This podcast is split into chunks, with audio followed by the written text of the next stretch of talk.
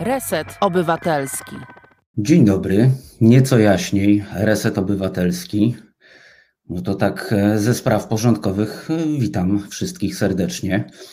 Jest z nami już pani Bożena Breczko, jest e, pan Jacek, Robsonak 222, czyli moja ukochana jedna trzecia szatana, jest Beatrix, Julek, jest też redaktor Woźniak, przyłączył się do nas Sinsiul Złoty, jest Wiola Pietrzak, Marek Jurkiewicz, wszystkim. Jest też Donna Swewa, Mateusz Noga, wszystkich gorąco, serdecznie witam w ten, no jakby to powiedzieć, zimny i smutny dzień.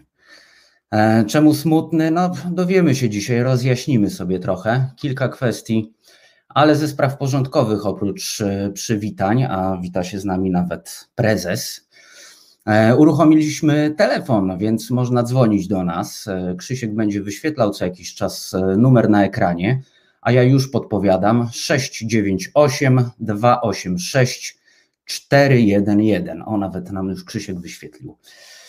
No i cóż, dziś 11 listopada, święto. No oczywiście, że od rana przynajmniej media zadawały sobie pytania, również w nagłówkach, czy dojdzie do zamieszek, Naiwne pytanie, prawda? Oczywiście, że doszło do zamieszek, zawsze dochodzi do zamieszek. To już tak e, mniej więcej siódmy, ósmy, no dziewięć lat. 2011 był chyba takim rokiem przełomowym, jeśli chodzi o um, burdy, e, burdy tej całej e, zagubionej mieszaniny biednych ludzi. I nie mówię tutaj o statusie, statucie majątkowym, mówię oczywiście o o tym, co mają w głowach, a raczej czego w głowach ci ludzie nie mają. Jest to trochę taki. Chodziłem na taki ogun e, na UW, e, na bioetyce, gdzie no można powiedzieć, że rozważano początki nacjonalizmu i był to taki ruch, taka ideologia, można powiedzieć, chociaż nie wiem, czy to jest dobre słowo, ona nam się źle kojarzy, prawda? E, no można powiedzieć, że nacjonalizm był taką odpowiedzią na tych wszystkich ludzi, dla tych wszystkich ludzi, którzy byli zagubieni po e, rewolucji e, francuskiej i którzy przenieśli się ze wsi do miasta i nie mieli tego takiego zaczepienia ideologicznego, bo wyrwano ich z z tych całych tradycji, że na świętego Marcina to gęsina, tego typu rzeczy. No i, no i właśnie, nacjonalizm był takim zaczepieniem, że mogli się wreszcie w coś ciekawego e, zaczepić na nowo, w jakąś tradycję, w ten właśnie naród, coś takiego. No i cóż, no minęło już parę lat, no i spłonęła tęcza, rozwalili wóz TVN-u, a dzisiaj na rondzie de Gola strzelanina. Strzelanina, no tutaj podglądałem też z live z Super Expressu, też z Wirtualnej Polski dzisiaj, bo mnie to strach wychodzić w ogóle. Szczególnie, że mieszkam niedaleko centrum Warszawy, więc dobrze, że wszystko jest zamknięte, bo jeszcze bym się rozpędził i nie wiem, może po bułki poszedł, to można życie dzisiaj stracić, naprawdę. No i tak, Dzisiaj porozmawiamy o tym, czym stało się święto niepodległości i dlaczego pozwoliliśmy nacjonalistom odebrać sobie to święto. Może jako obywatele zglobalizowanego świata go po prostu nie potrzebujemy. A może to kwestia edukacji, o której rozmawialiśmy tydzień temu z Aliną Czyżewską? Jak Państwo myślicie? To jest, e, to jest jedno z pytań do Was. Dzisiaj postaramy się rzucić odrobinę światła na to, czym jest Marsz Niepodległości. E, rzucimy trochę światła na samo święto niepodległości w tym takim naszym współczesnym świecie. Zastanowimy się też nad e, rewolucją, bo ostatnimi czasy przemarsze przez miasta w całej Polsce stały się normą. Te w cudzysłowie codzienne marsze mają jednak inne hasła, chociaż nie wszystkie. Mm, znamy jebać PiS. Z dzisiejszych relacji wynika, że Marsz Niepodległości miał nawet podobne hasło. To mam z relacji na żywo z Super Expressu e, właśnie, Tam naprawdę gość, który robił dzisiaj relacje, nie wytrzymywał. Tam same po prostu wykrzykniki szły. No i mamy taką relację właśnie PiS, PO i jedno dno. Całkiem trafne, prawda? Czasem nawet oni się nie mylą. E, jak odniesiecie się do takiego zdania? Tutaj pytam czaterię, e, można też zadzwonić. Święto Niepodległości, jedno z najważniejszych dla Polaków świąt. Piszcie na czacie, co o tym myślicie, jak to jest z tym e, zglobalizowaniem, czy jest nam takie święto w ogóle potrzebne. Jeśli tak, to dlaczego? Jeśli nie, no, no ogólnie no, znacie Państwo procedurę. Piszemy pełnymi zdaniami. E, no i mamy rozkład jazdy na dziś. Przypomnę jeszcze telefon, chociaż wyświetla się, mm, ale może ktoś wyszedł do pokoju obok e, zaparzyć herbatę i tylko podsłuchuje. 698 286 411. Cały czas przybywacie. Witam Irminę, Jacka, już witałem, ale jest też Piotrosław, widzę. Witam Mirgo, Krzyśka, Baju baj. E, no dobra, czateria, to dawajcie, jeśli chodzi o to, co myślicie o święcie niepodległości. Tymczasem plan jazdy. Za chwilę połączymy się, usłyszymy, zobaczymy z Michałem Sutowskim z krytyki politycznej. E, rozmawiamy o rewolucji odbywającej się właśnie na ulicach, e, gdzie zapowiedzi gdzie zaprowadzi nas e, uliczne strajkowanie? To jest jedno z pytań. Czy ogólny polski strajk kobiet ma szansę na zrealizowanie swoich postulatów i obalenie rządu? E, porozmawiamy też o walce o rząd dusz PiSu z Konfederacją, czyli o co chodzi z 11 listopada na prawicy. O 20 postaramy złapać, postaramy się złapać blogera, autora między innymi Pancernej Brzozy i Przedwojnia, E, będzie z nami galopujący major, mam nadzieję. Porozmawiamy sobie o świętowaniu 11 listopada i zapytamy, na co i komu potrzebny jest Marsz Niepodległości i dlaczego Polacy tak bardzo kochają chemię z Niemiec, pomimo swojej niemieckofobii. E, na sam deser 20.30 e, pogada z nami Mateusz Kowalik, reporter, dziennikarz, E, dziś w ogniu akcji, e, Mateusz jest dzisiaj w ogniu akcji, bo robił dla zagranicznej telewizji materiał o Marszu Niepodległości. Zapytamy więc, e, co kogo obchodzi 11 listopada w Japonii. I to w dobie COVID-u. No i cóż, rozgrzewamy się powoli. Na marszu można było dziś usłyszeć e, Bogu Rodzice. Mamy też hymn narodowy, który kibice Legii śpiewali o 12. Jednak ja mam trochę inną koncepcję tego, jak brzmi Polska. Dyskutowaliśmy dzisiaj rano o tym z Krzyśkiem, który realizuje dla nas e, resetowe wszystkie tutaj e, programy. I zrobimy tak. Zrobimy sobie teraz przerwę, połączymy się z redaktorem Sutowskim i puścimy naszego pierwszego gościa, a Krzysiek zapuści, i to nie jest przypadkowe słowo, prawdziwe naszym tutaj zdaniem młodego pokolenia brzmienie Polski, ale nie będę mówił do hymnu, bo jeszcze mnie ktoś zaskarży. Także Krzysiu, odpalamy.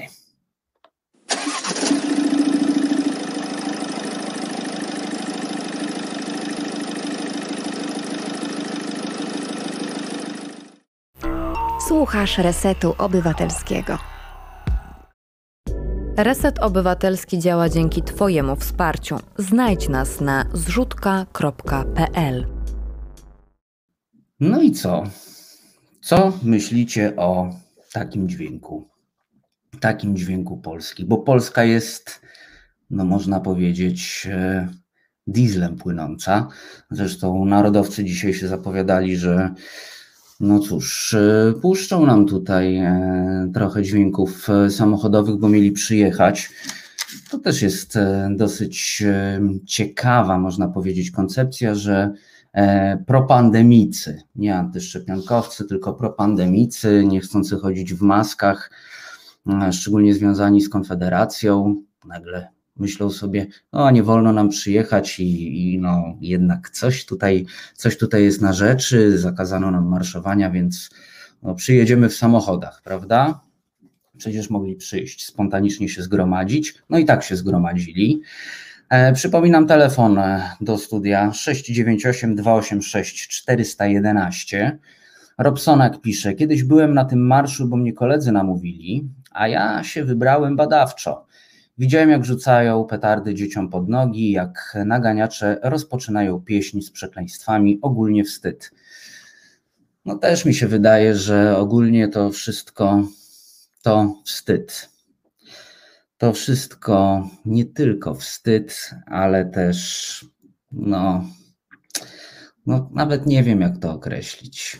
Nie wiem jak to określić, bo, bo wstyd to Wstyd jeszcze jest w jakiś sposób zasadny. Można się wstydzić za siebie, ale tak wstydzić się za innych, trochę chyba na to nie zasłużyliśmy, prawda? E, także myślę, że e, myślę, że trochę nie mamy się za co wstydzić, a trochę, a trochę mamy. Błażej Śmigiel pisze, się spóźniłem i trochę nie nadążam. No, Błażeju, możesz zawsze przesunąć pasek YouTube'a z live'em. I, I dobra, no, dogonisz. Potem zrobimy e, przerwę e, na oddech, dla niektórych na papierosa, dla innych na herbatę, kawę. No i akurat się wyrówna 4 czy tam 11 minut spóźnienia, to dogonisz. E, jest już z nami Michał Sutowski, Krzysiu. Jest z nami Michał Sutowski z krytyki politycznej.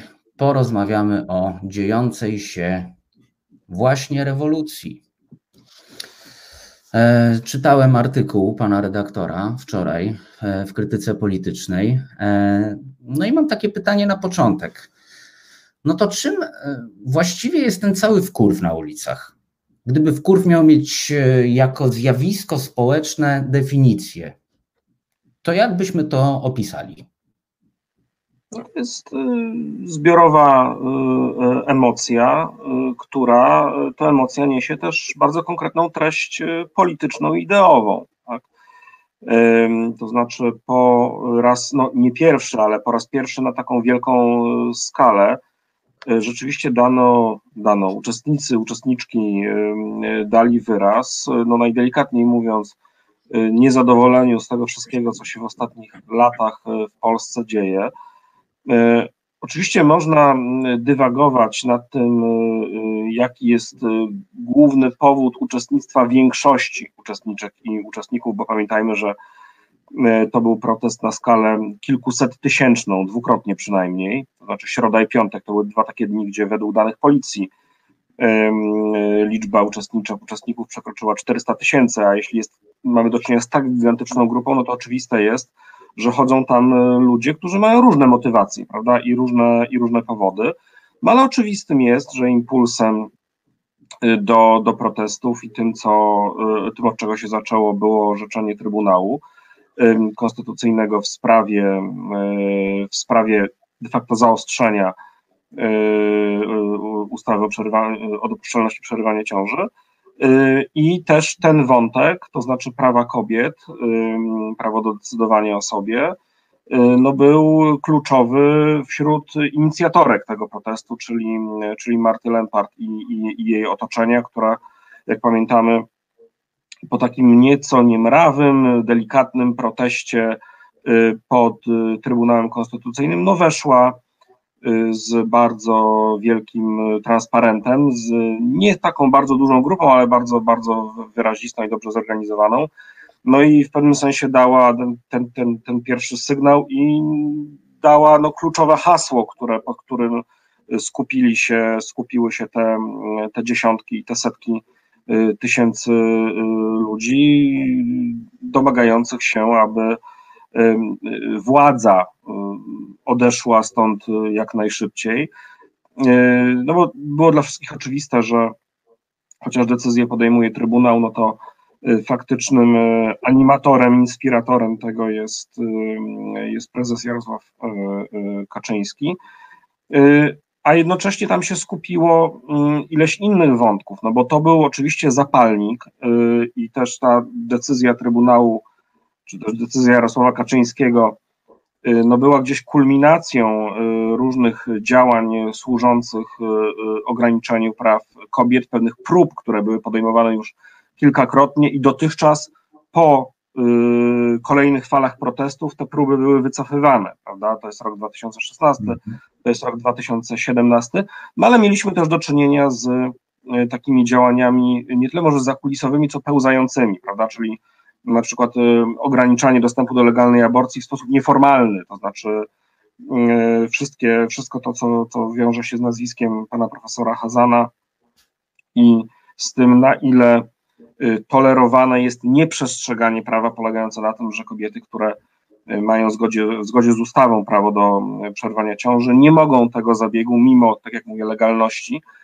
czy spełnienia jednej z przesłanek prawnych, nie mogą tego zabiegu wykonać. No tutaj to rzeczywiście ta pewna, pewna fasada, bo podkreślam, dotychczas to się, to się, to się działo niejako pod powierzchnią, no, no tym, tym razem zostało wykonane w sposób, w sposób jawny. To był zapalnik, to była iskra. Natomiast no, co było paliwem i co było podłożem dla, dla tak ogromnego protestu, no to jest oczywiście cała masa czynników, ale na pewno kluczowa jest sytuacja pandemii i, i, z jednej strony psychologicznie patrząc, no oczywiście frustracja związana z zamknięciem w domu, zwłaszcza młodych ludzi, prawda? Szczególnie to było dla nich uciążliwy uciążliwy czas, uciążliwe miesiące, y, no ale także dość powszechne, czy narastające przekonanie o tym, y, no, że rząd w sposób głęboko nieadekwatny y, reaguje na pandemię, to znaczy najpierw wykazuje się no, daleko posuniętym cynizmem, czyli w momencie, kiedy próbuje za wszelką cenę przeprowadzić najpierw wybory pocztowe, a potem bagatelizuje znaczenie i zagrożenie związane z koronawirusem w celu przeprowadzenia wyborów e, tych już normalnych i w celu skłonienia jak największej liczby seniorów, zwłaszcza do, do zagłosowania. Pamiętna wypowiedź pana premiera e, Morawieckiego o tym, że to dobrze, że już nie obawiamy się tak bardzo tego wirusa i że nie tylko można, ale warto iść tłumnie, tłumnie do urn. No a potem, po tej fazie takiego rozprężenia, yy, następuje no, faza yy, wyraźnej paniki, tak, i, i, i postępujących po sobie chaotycznych yy, narzędzi czy instrumentów stosowanych przez, przez państwo po to, żeby no jednak spróbować jakoś tą, to szerzenie się wirusa ograniczyć i zachorowania i zgony no w momencie, kiedy już wiadomo, kiedy już wszyscy wiedzą, y, przy czym rząd chyba na końcu, y, no, że ta, ta jesienna fala rzeczywiście będzie zagrożeniem. No i te, te, te kluczowe czynniki się nałożyły na siebie, no i zazwyczaj jest tak z protestami, z ruchami społecznymi, że one mają jakiś powód bezpośredni, ale ten powód bezpośredni nie odpowiada za całość, prawda, wydarzenia. Yy, no to tak jak pamiętamy z, z okresu PRL, no najczęściej zapalnikiem do wielkich protestów społecznych były podwyżki cen prawda, yy, podstawowych towarów. No, no ale one nie były usłyszałem... sensu stricta, prawda, tylko właśnie zapalnikiem. Usłyszałem właśnie taką opinię jakiś czas temu od jednego z redaktorów, również współpracujących z Resetem Obywatelskim, od Wojtka Krzyżaniaka, który dobrze pamięta czasy PRL-u, że póki kiełbasa nie zdrożeje, to ludzie nie wyjdą na ulicy. Dlatego byłem tak, e, można powiedzieć, naiwnie w pewien sposób zbudowany tym, że ludzie wyszli w obronie praw, e, no nie tyle kobiet, ale po prostu praw człowieka na ulicę, a nie właśnie z powodu na kiełbasę. No ale po lekturze Twojego tekstu e, okazało się, że jest to rzeczywiście, no, że byłem trochę naiwny i że jest to zjawisko bardziej złożone że ta październikowa rewolucja godności ma, tak jak mówisz, wiele e, komponentów, które, które definiują no, wyjście na ulicę i cały ten wkurw. No, tylko zaznaczmy jeszcze, bo mm, ta, ta, ta kiełbasa jest często używana, to pojęcie, e, one jest oczywiście pewnym skrótem myślowym, ale jest często też używane do pewnego powiedziałbym, zdezawuowania ludzkich motywacji, tak? To znaczy, że mhm.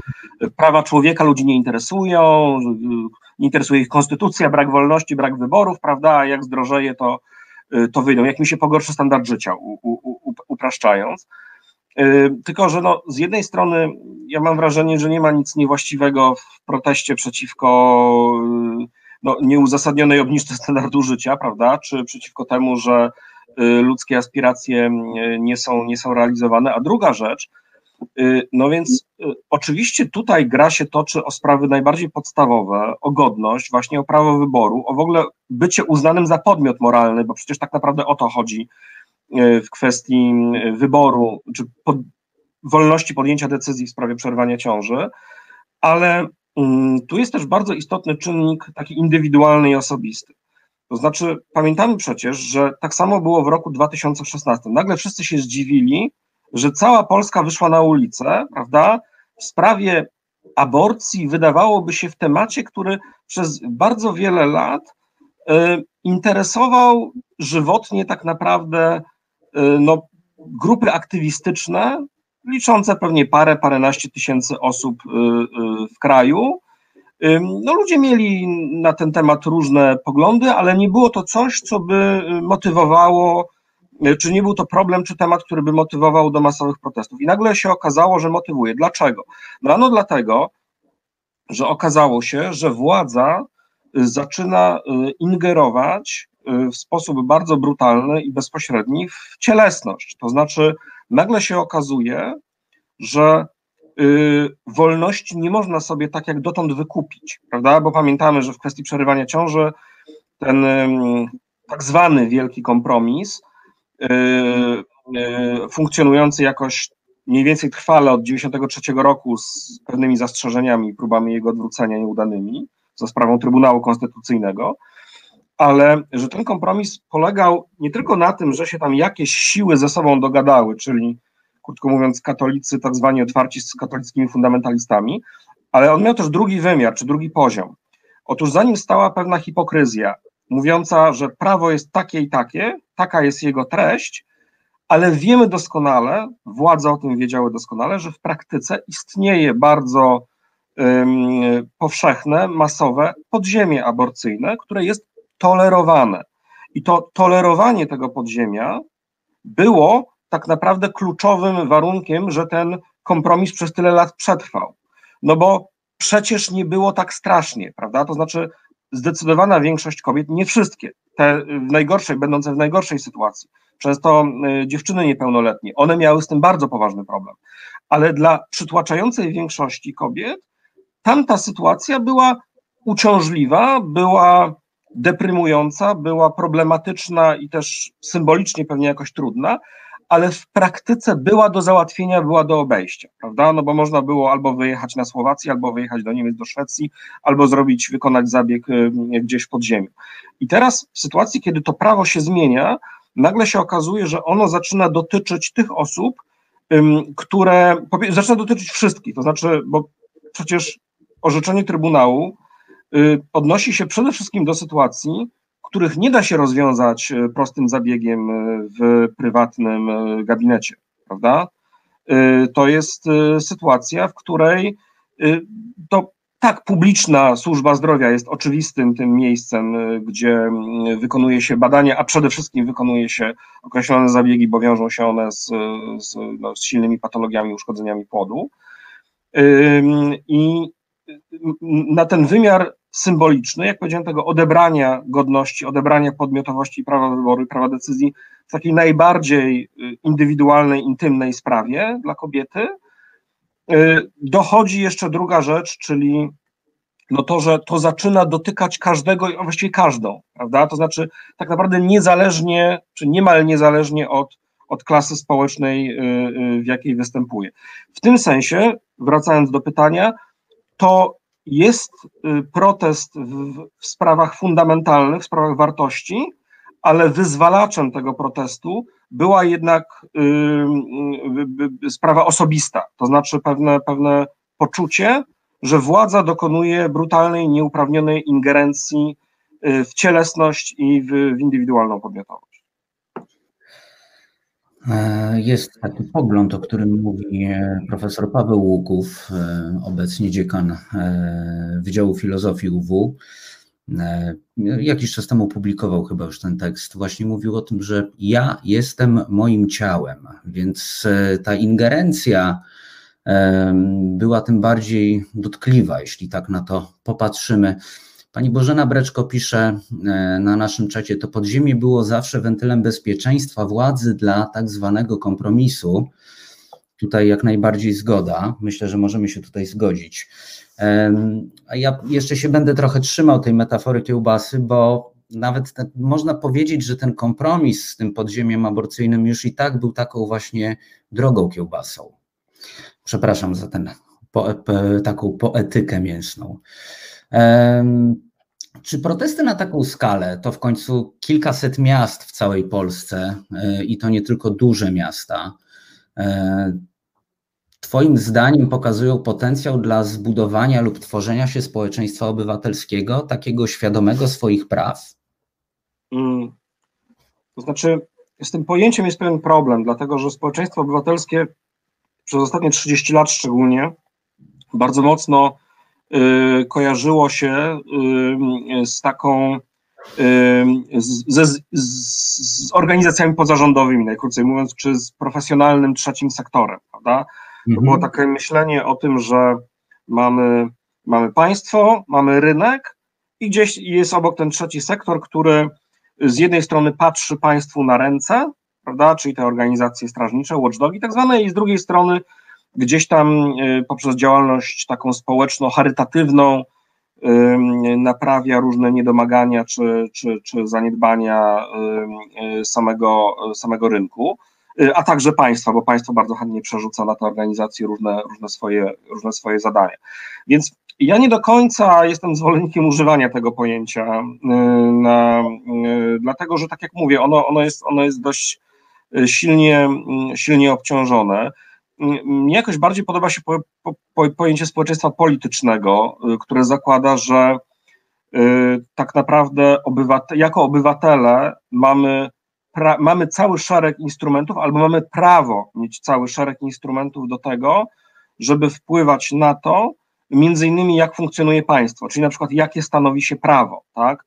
I w oczywisty sposób demonstracje, strajki, te spacery, tak, czy spontaniczne zgromadzenia, ale które mają oczywisty wydźwięk y, y, polityczny, są jakimś takim no, kluczowym tego, y, tego elementem, w tym sensie, że po prostu pokazują, zaznaczają obecność w sferze publicznej, czy pokazują takie zajęcie sfery publicznej, no przez tą grupę, która w moim przekonaniu słusznie ma prawo, czy rości sobie prawo do tego, żeby pokazać, gdzie jest naród, tak? gdzie jest Polska, to znaczy co myśli y, Polska, w odróżnieniu od tego, co próbuje pokazać czy narzucić y, władza, traktująca siebie jako wyłącznego reprezentanta narodu. Prawda? No bo jak wiemy, populizm tak naprawdę na tym polega. To oczywiście jest wiele definicji tego pojęcia, ale ta chyba naj, naj, najciekawsza y, autorstwa Jana Wernera Müllera mówi, że władza populistyczna to jest taka, która mówi,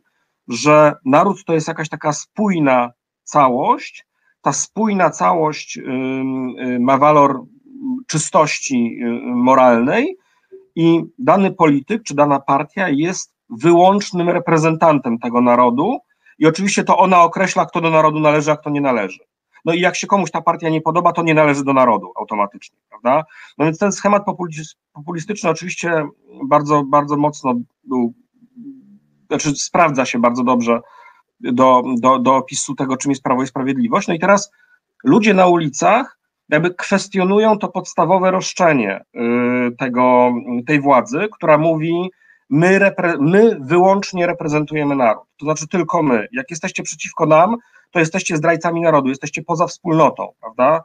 Bo to przecież o to chodziło w gorszym sorcie tak naprawdę. Więc, y, y, a tymczasem te setki tysięcy kobiet i mężczyzn na ulicy mówią nie. To znaczy, naród jest gdzie indziej. Naród chce czego innego, ma inne wartości, inaczej widzi granice wspólnoty niż tak jak wy je chcecie y, za, zakreślić, zarysować.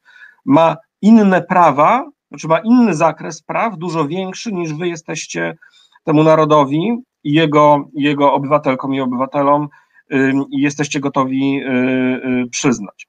Dlatego to, co się dzieje, rzeczywiście ma moim zdaniem potencjał no, taki polityczny w bardzo głębokim sensie. Znaczy, to może być oczywiście nic nie jest przesądzone, będziemy mogli to ocenić dopiero po miesiącach, po latach zapewne, tak? Ale że to są takie momenty do pewnego stopnia wręcz narodowotwórcze, to znaczy takie, które przedefiniowują kształt wspólnoty, tak? Mówią, jakie są jej wartości, jakie wartości się w niej mieszczą, a jakie się nie mieszczą, tak? I y, to zburzenie tego, znowu w cudzysłowie, kompromisu, świetnie napisała o tym niedawno na łamach Oka Press y, y, Agnieszka Graf, to zburzenie tego kompromisu, ono jest nie tylko wypowiedzią w pewnej konkretnej sprawie, prawda? To znaczy, że my mówimy, już się nie zgadzamy na to, żeby był taki kształt prawa w sprawie przerywania ciąży, nie zgadzamy się na to, żebyście wy gdzieś tam na górze, ponad naszymi głowami ustalali, jakie ono jest, ale jeszcze do tego mówimy, że w ogóle sam model polityki, w którym jakaś elita dogaduje się kosztem praw kobiet z jakimiś grupami interesu, że ten model uprawiania polityki jest już nie, nieakceptowalny. No i właśnie. E, obywatelki, obywatele jednoczą się na ulicy. E, tymczasem rząd nadal nie podał się do dymisji, a aborcji na żądanie też nic raczej nie zapowiada w najbliższym czasie. I prawda, że PiSowi łby spada poparcie, za to rosną słupki Hołowni, który jest przecież przeciwnikiem aborcji. No i tu większość z nas może dostrzegać pewien e, paradoks i może myśleć sobie, że, że coś tutaj poszło nie tak, ale też masz e, na to pewne wytłumaczenie. Znaczy, moja, yy, moje pierwsze wrażenie, to znaczy, kiedy te protesty się zaczynały, no było takie, że one z punktu widzenia Szymona Hołowni są y, bardzo problematyczne. Dlaczego? No bo są przeciw władzy, ale są, nawet nie chodzi o to, że są, że tam są ogłoszone poglądy, z którymi on się nie zgadza. Tylko dla Szymona Hołowni temat aborcji, y, jak patrzymy na jego dotychczasową drogę, dotychczasowy przekaz, to był najgorszy, najbardziej kłopotliwy z możliwych tematów. Dlaczego? Ano dlatego, że Szymon Hołownia, jako człowiek y, doświadczony y, w przemyśle rozrywkowym y, i świetnie obyty z kamerą i z mediami, doskonale potrafił grać z bardzo różnymi grupami wyborców. To znaczy, potrafił pokazywać się bardzo różnym ludziom o bardzo różnych poglądach jako potencjalnie atrakcyjny kandydat. Prawda? Takie, on był takie trochę dla każdego coś miłego, a może nie dla każdego, ale dla naprawdę bardzo szerokiej grupy, tylko że warunkiem utrzymania tego, tego, tego wizerunku, y, czyli kandydata atrakcyjnego dla różnych stron, było unikanie wyrazistych wypowiedzi w pewnych kwestiach. Jedną z tych pewnych kwestii była właśnie y, aborcja, Y, oczywiście y, niechętni hołowni, a także po prostu rzetelni no, dziennikarze przypominali jego wypowiedzi sprzed wielu lat, prawda, którego sytuują no, zdecydowanie na prawo w tej, w tej, w tej dyskusji, gdzie on mówi o tym, że no, on jest w zasadzie byłby zwolennikiem całkowitego zakazu, znaczy tak prywatnie, no a publicznie no to on uważa, że oczywiście katolik musi dążyć, żeby prawo stanowione było jeśli nie idealnie zgodne, to przynajmniej jak najbliższe prawa Bożego. No co z tego wynika? No oczywiście wynika, że ten y, wyrok Trybunału powinien mu się podobać, prawda? No bo przybliża, jak rozumiem, stan prawny, przybliżałby stan prawny do tego, czego w cudzysłowie prywatnie Szymon Hołownia by, by się spodziewał. Y, I, i, i nie, nie przypadkiem on za każdym razem pytany o tę sprawę, no, zamiatał rzecz pod dywan, można powiedzieć, bo mówił, upraszczając, że warto rozmawiać, prawda? Albo że mm, to jest trudny temat, yy, wymaga wielkiej debaty i to nie jest dobry moment na taką debatę, prawda? To było cały czas omijanie odpowiedzi. No więc, kiedy mamy taki protest, strasznie trudno jest yy, podtrzymywać tę opowieść, choć Hołownia dalej próbuje mm, skupiać się na tym, że Y, moment podjęcia tej decyzji y, przez Trybunał Jarosława Kaczyńskiego, znaczy tryb podjęcia decyzji jest oczywiście bezprawny ze względu na to, jak funkcjonuje Trybunał, a moment jest fatalny z punktu widzenia tego, że mamy pandemię. Prawda? No ale teraz pojawia się oczywiście pytanie, dlaczego on tak cały czas migając się w tym temacie i cały czas go unikając, jednocześnie zyskuje, bo wyraźnie zyskuje w sondażach. Prawda? Już mieliśmy kilka dobrych badań sondażowych, z których wynikają właściwie tylko, no, może być trzy tendencje. Znaczy, jedna jest taka, że PiSowi spada mniej więcej o jedną czwartą, znaczy mniej więcej jedna czwarta głosów odpada, około dziesięciu, mniej więcej dwucy, jakaś dwucyfrowa liczba głosów PiSowi odpada. Y, bardzo rośnie liczba wyborców niezdecydowanych, takich, którzy nie wiedzą w tym momencie, na kogo chcieliby zagłosować. I wyraźnie między tam 8 a nawet kilkanaście procent rośnie y, poparcie dla Szymona Hołowni. Dlaczego? Moja teza jest taka, że on po prostu przejmuje część tych wyborców Prawa i Sprawiedliwości. To znaczy, on nie przejmuje wyborców lewicy, on być może przejmuje y, wyborców y, koalicji obywatelskiej, która no, ma, prawdę mówiąc, znaczy ma zróżnicowane poglądy, bo tam jest Barbara Nowacka, prawda, też, ale jednak to jest formacja, w której są również ludzie o konserwatywnych poglądach, pewnie podobnych do Szymona Hołowni, a Hołownia z wielu względów jest od tej koalicji obywatelskiej atrakcyjniejszy, prawda? Jest nowy, świeży, ciekawie gada, y, ma tam kilka postępowych pomysłów w innych sferach, prawda? Czy to klimat, czy to y, no właśnie, co, za, co poza klimatem. Y, no, jakieś elementy w polityce społecznej pewnie by się znalazły. Ciekawy przekaz na temat kościoła, taki nieoczywisty w Polsce. No więc on po prostu w tym momencie przejmuje głosy tych pisowców, dla których różne rzeczy w PiSie są dziś nieakceptowalne. Znaczy, to może być ten wyrok, ale też może być polityka y, wobec pandemii, prawda? No bo pan mhm. premier, który y, najpierw no właśnie mówi, że nie ma w zasadzie to nie ma problemu, że wszystko się kończy, a teraz panikuje i mówi, że to jest teraz wszystkich, nasza wszystkich wspólna odpowiedzialność, to jest wyraźnie niespójny i dla bardzo, bardzo wielu wyborcom to nie gra.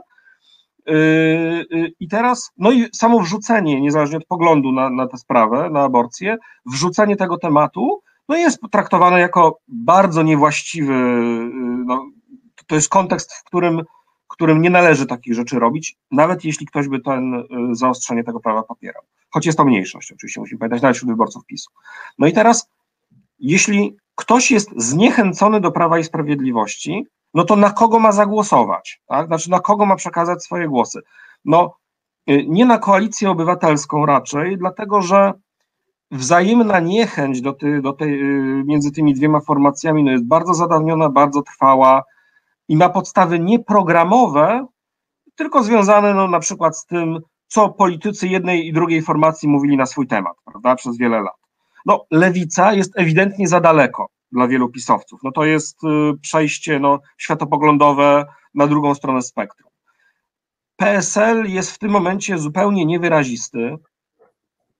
No więc cóż, no, y, jeśli ktoś nie ma skrajnie prawicowych poglądów, no bo jest jeszcze oczywiście Konfederacja, ale jeśli nie ma skrajnie prawicowych poglądów, no to Hołownia albo opcja nie wiem na kogo zagłosować. No to są jedyne możliwości.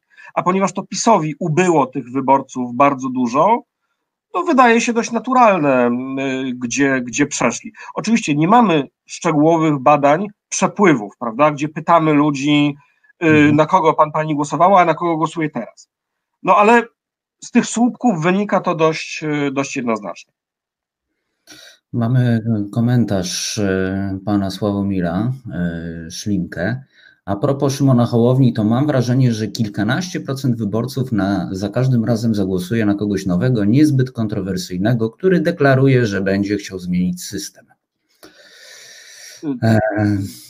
Zgoda. Jest taka grupa wyborców faktycznie, która i to jest, to widzimy od wyborów y, tak naprawdę od y, początku XX wieku, to znaczy tam mamy wyborców, którzy głosowali na samoobronę, potem głosowali na Y, byli gotowi na Palikota zagłosować, a potem na Kukiza, prawda? Wydawałoby się kompletnie absurdalne przejście, a tymczasem, y, a tymczasem rzeczywiście tacy ludzie są, ale mam jednak wrażenie, że Hołownia jest atrakcyjny nie tylko dla nich. To znaczy dla nich również, ale ma pewien potencjał odebrania właśnie głosów z jednej strony Prawu i Sprawiedliwości, z drugiej strony Koalicji Obywatelskiej wydaje się, że po tych protestach w mniejszym stopniu lewicy, bo do, powiedziałbym, że do tych protestów on miał również potencjał, żeby odbierać głosy lewicy. Bo musimy pamiętać, że dla wielu wyborców e, te oferty programowe no nie są czymś, nie są takimi spójnymi pakietami, prawda? Tylko głosuje się za to, że się lubi jakiegoś polityka, że on nam odpowiada estetycznie, prawda, że jakiś jeden temat nam pasuje. I, i, i Hołownia z tym swoim takim, doktora Elżbieta Korolczuk niedawno w jednej z debat Kolegium Civitas na to zwróciła uwagę, że Hołownia bardzo inteligentnie gra tą opowieścią ja jestem nastawiony na przyszłość, prawda? To hasło polityka na pokolenia, nie na kadencję, ale też właśnie opowiadanie, że mamy wielkie wyzwania, że przecież klimat, że kryzys wodny, prawda? Coś, co dla wielu takich wyborców, którzy nie są ściśle przypisani do jakiejś opcji, a jednocześnie myślą no, w taki sposób, że no, polityka to jest od rozwiązywania rzeczywistych, poważnych problemów, a nie od jakichś kłótni ideologicznych, no to on dla nich może być atrakcyjny.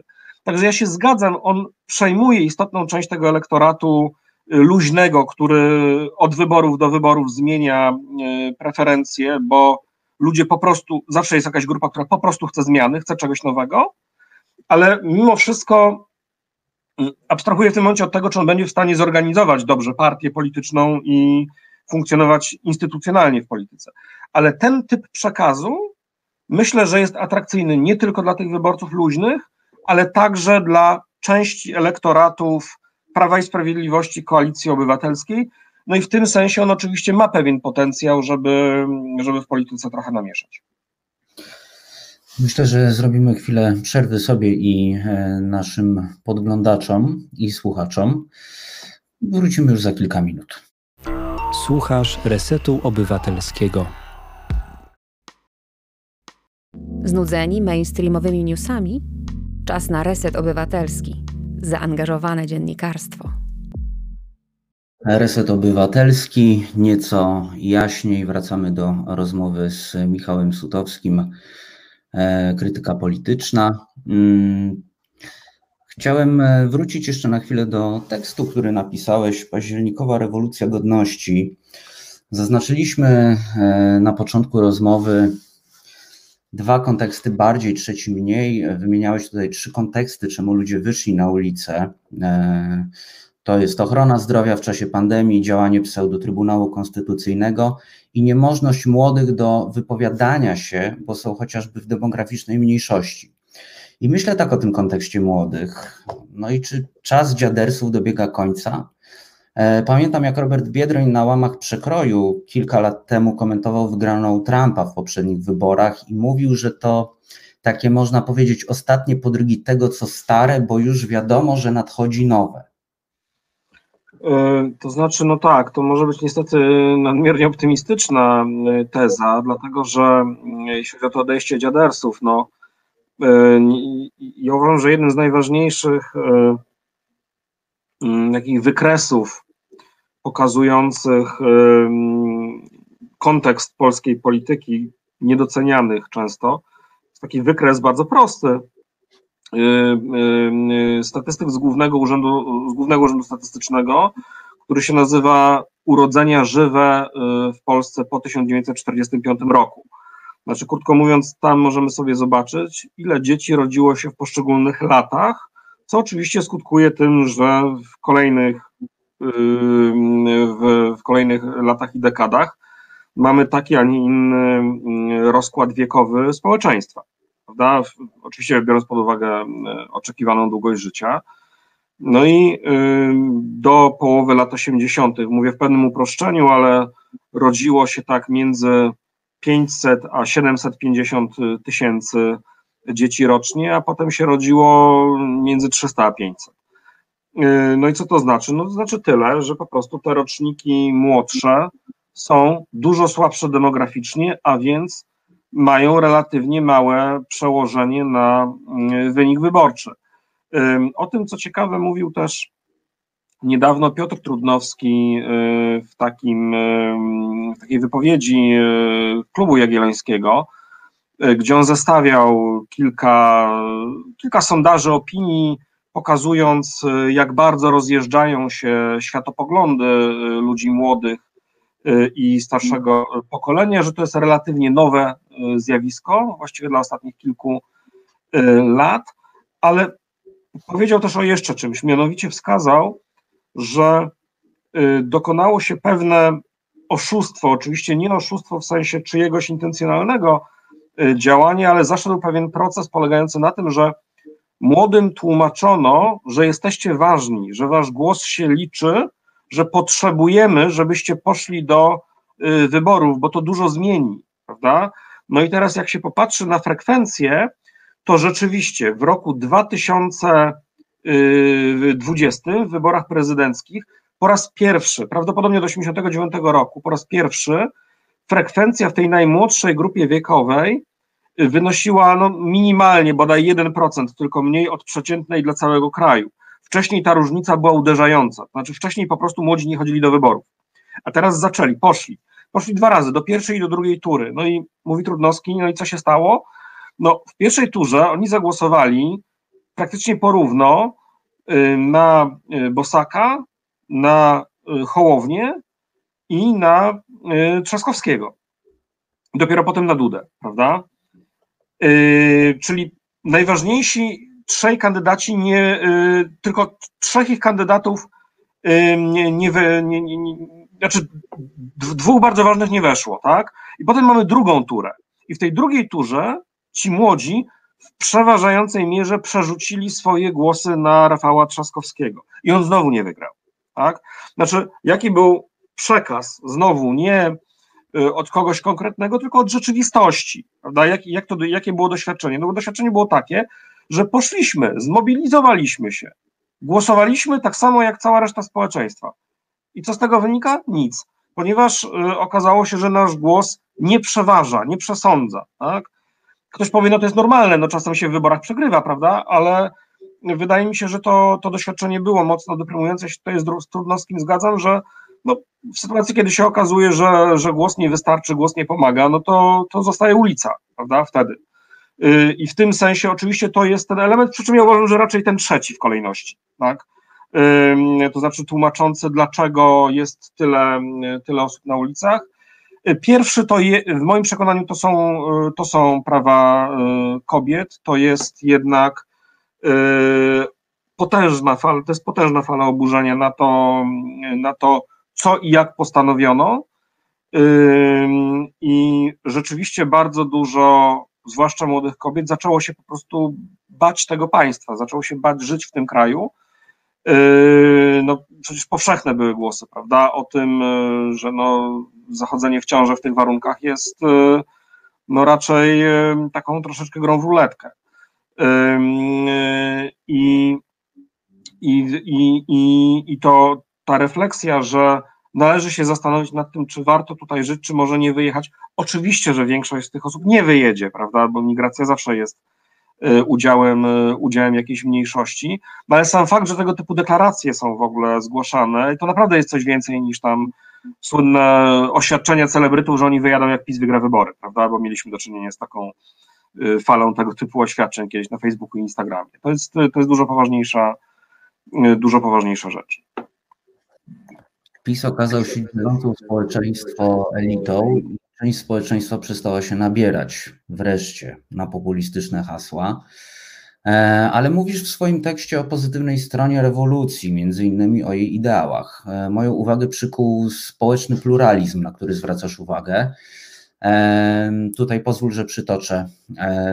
Na pewno społeczny pluralizm, bo skoro społeczeństwu nie odpowiada jedynie słuszna kościelna ideologia, to i powszechna szkoła powinna być od niej wolna, a podatnik wolny od danin na rzecz jej autorów. I tak trochę się obawiam, że, że to też jest trochę zbyt pozytywne. Ideale, który tam został wyrażony, wyartykułowany. Y, to moim zdaniem jest niekontrowersyjne, nie, nie że tak było. To znaczy, że to był ten odruch antykościelny, Mhm. Y, niezależnie od tego, jakie formy przybierał, czy to były memy, czy to były bardziej radykalne działania, y, które zresztą nie było tak bardzo dużo aż, y, to, to, to myślę jest niekwestionowane. Znaczy, no i pamiętajmy o kontekście też zupełnie spoza tych demonstracji. No mamy do czynienia właśnie z po pierwsze aferą, no można powiedzieć, tak, skandal, nieujawnieniem, tylko już przypieczętowaniem orzeczeniami z Watykanu tego, co miał na sumieniu kardynał Henryk Gulbinowicz, jedna z najważniejszych postaci Kościoła ostatniego czterdziestolecia. Tak, to też trzeba powiedzieć. To nie jest jakiś tam sobie biskup, tak? To jest, to była jedna z takich no, pomnikowych figur, powiedziałbym, późnego PRL-u i, i, i trzeciej Rzeczpospolitej. To jest oczywiście film dziennikarzy czarno-białym TVN na temat Stanisława Dziwisza i jego no, nadużyć to jest mało powiedziane, bo tam mamy do czynienia z po prostu kryciem przestępców y, za pieniądze. Y, oczywiście tu dochodzi kontekst samego Jana Pawła II. Ja zresztą dość wyraźnie widzę na razie, że y, no mamy do czynienia z taką troszeczkę po stronie zwłaszcza starszego pokolenia, pytałeś o dziadersów, starszego pokolenia komentatorów, które no na siłę teraz próbuje jakoś zrelatywizować, zniuansować, no gdzieś tam przykryć e, wątek samego Jana Pawła II, bo Stanisława Dziwisza rzeczywiście mało kto już broni, może dlatego, że jest też taką postacią, której się trudno go, którą chyba trudno lubić, to znaczy osoby, które miały z nim kontakt bezpośredni też mówią o jego dość nieprzyjemnej e, osobowości, powierzchowności, ale mm, e, no bardzo wyraźnie próbuje się jednak Yy, rozmyć kwestię odpowiedzialności samego, samego Jana Pawła II. I to jest udziałem bynajmniej nie uważanych za konserwatywnych, prawda, czy prawicowych dziennikarzy i dziennikarki, tylko, tylko to dotyczy no, wieloletnich komentatorek i komentatorów, chociażby no, uchodzącej za liberalną stacji, która zresztą ten, ten dokument bardzo ważny i pożyteczny y, przygotowała. Tak? Także ten kontekst y, antykościelny jest kluczowy i ja myślę, że dotychczas mieliśmy do czynienia znowu z sytuacją, trochę tak jak przy tym kompromisie aborcyjnym, znowu w cudzysłowie wziętym, y, w cudzysłów wziętym. Otóż bardzo wielu osobom w Polsce nie odpowiadało to, co jest, znaczy nie odpowiadało status quo, ale ponieważ były różne furtki i wentyle, to ta grupa nie miała, nie artykułowała, przynajmniej bardzo niewielka mniejszość tych, tych osób, artykułowała to jako, to jako problem, prawda, że im się na przykład nie, pod, nie podoba prawo dotyczące e, przerywania ciąży, to jak teraz wygląda.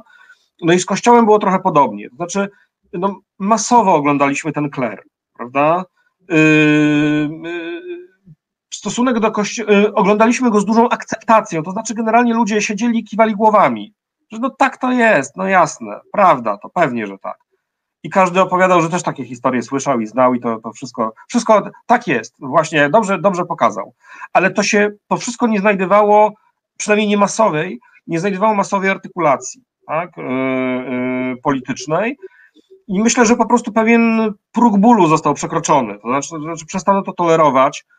Yy, jak ktoś pisało, to jest oczywiście wypowiedź z Facebooka, już oderwała się już dawno od autora, to znaczy, że kobiety zrezygnowały z dotychczas, przypisanej im dozwolonej formy protestu, czyli szlachania w kącie, no to, to, to trochę dotyczy, myślę, to również wszystkich tych, którzy dotychczas zaciskali zęby, ewentualnie właśnie dzielili się memami y, i, i, i gdzieś tam narzekali czy wyzłośliwiali się w, w kręgu prywatnym Y, na y, no, takie czy inne praktyki y, Kościoła w Polsce. Żeby było jasne, ja nie uważam, że to, co jest też ważnym elementem zakorzenienia Kościoła w społeczeństwie, czyli rytuały na przykład, prawda? Chrzciny, komunie, bierzmowanie śluby i pogrzeby, żeby to było coś, gdzie zaobserwujemy szybko, gwałtownie jakąś falę, że tych apostazji będą miliony na przykład, prawda? Albo że ludzie, mm, e, nie wiem, e, gremialnie przestaną posyłać dzieci do komunii. To się w wielu miast, w dużych miastach no, pojawiają się takie informacje, że tam gdzieś na Ursynowie w szkole e, tych dzieci jest dużo mniej, które chodzą na religię na przykład, prawda, ale i to tak gwałtownie. Nie uogólniałbym tego na cały kraj jeszcze, myślę, że to będzie dużo dłuższy proces, no ale musimy pamiętać, że w Irlandii to najpierw też bardzo długo trwało, może warto przypomnieć tutaj zrobię małą prywatę, polecam e, swoją rozmowę z e, dr Dorotą Szelewą, ekspertką od polityki społecznej, ale też wykładowczynią Uniwersytetu w Dublinie, która opowiada o drodze irlandzkiej do sekularyzacji, ale też do zmiany prawa na temat przerywania ciąży, no to to był proces bardzo trudny, bardzo bolesny, gdzie nawet bardzo bulwersujące całe społeczeństwo sprawy, wydawało się nie posuwały spraw, na, nie posuwały całego procesu naprzód. I nagle w zasadzie w ciągu dwóch, trzech, czterech lat dokonuje się przeskok, y, przeskok cywilizacyjny. Tak? Y, to znaczy nagle się okazuje, że w kraju, w którym y, w 96 roku dopiero zezwolono na rozwody i to zezwolono na nie wielkością 0,6% głosów w referendum, że nagle te, ten kraj ustanawia prawo do, do aborcji na żądanie do 12 tygodnia ciąży, prawda? Czyli to, co postulują na przykład posłanki lewicy, a do jeszcze w latach 2000 teoretycznie za pomoc czy za przeprowadzenie zabiegu aborcji teoretycznie groziła kara dożywotniego więzienia w Irlandii, prawda? Więc to, to przesunięcie jest rzeczywiście skokowe, bardzo gwałtowne, można powiedzieć tektoniczne i kryzys zaufania, kryzys legitymacji Kościoła był tutaj kluczowym czynnikiem, a mówimy o kraju, w którym Kościół miał, jakkolwiek może niektórym trudno w to uwierzyć, jeszcze większe wpływy Y, i był jeszcze bardziej konserwatywny niż to, niż to znamy z naszego kraju. To zadam takie pytanie jeszcze e, na koniec. E, jak myślisz, e, jeśli w ogóle to za ile lat pomniki Jana Pawła II znikną z ulic? Upadną? Ja nie wiem, czy one będą upadały. To znaczy, niewykluczone, że przy gentryfikacji kolejnych e, placów i ulic e, będą na przykład przenoszone w jakieś ustronne miejsce. To znaczy, mam wrażenie, że takie działania, jak w przypadku na przykład pomnika księdza Henryka Jankowskiego, one tutaj byłyby dużo trudniejsze, jednak te, te mechanizmy takie wy, wyparciowe, to znaczy wypieranie tej całej wiedzy, którą mamy o samym Janie Pawle II, Y, no jednak one będą bardzo silne. To znaczy, możemy mieć sytuację w, do czynienia, w której yy, autorytet Kościoła będzie sukcesywnie malał, on będzie miał malejący wpływ na życie publiczne, choć musimy pamiętać o ogromnym zakumulowanym majątku tej instytucji, która no, pozwala nawet, upraszczając, nawet bezwiernych, pozwala y, cały czas zachowywać pewien wpływ na, na życie publiczne, czy z dużo mniejszą ilością wiernych. Mamy też bardzo duże podziały regionalne, prawda? No jednak Podkarpacie inaczej wygląda niż, niż zachodniopomorskie, tak. Y, a duże miasto inaczej niż prowincja. To nie są proste podziały, ale jednak, ale jednak dość, y, dość widoczne. Y, no i do tego cały czas będzie dochodził ten argument mówiący o tym, że no, no Jan Paweł II, nawet jeśli miał pewne zaniedbania czy błędy nawet poważne jakieś na swoim koncie, no to niewątpliwie jako wybitny polityk, prawda, miał też y, jakieś tam zasługi w historii Polski, to będzie bardzo silny argument taki racjonalizujący to, żeby go zupełnie nie potępić, zupełnie nie, nie wyprzeć y, z y, pamięci zbiorowej. Bardzo Ci dziękuję za rozmowę, Michale. Naszym gościem dziękuję był Michał Futowski. Do usłyszenia za jakiś czas, mam nadzieję. Super. Dzięki.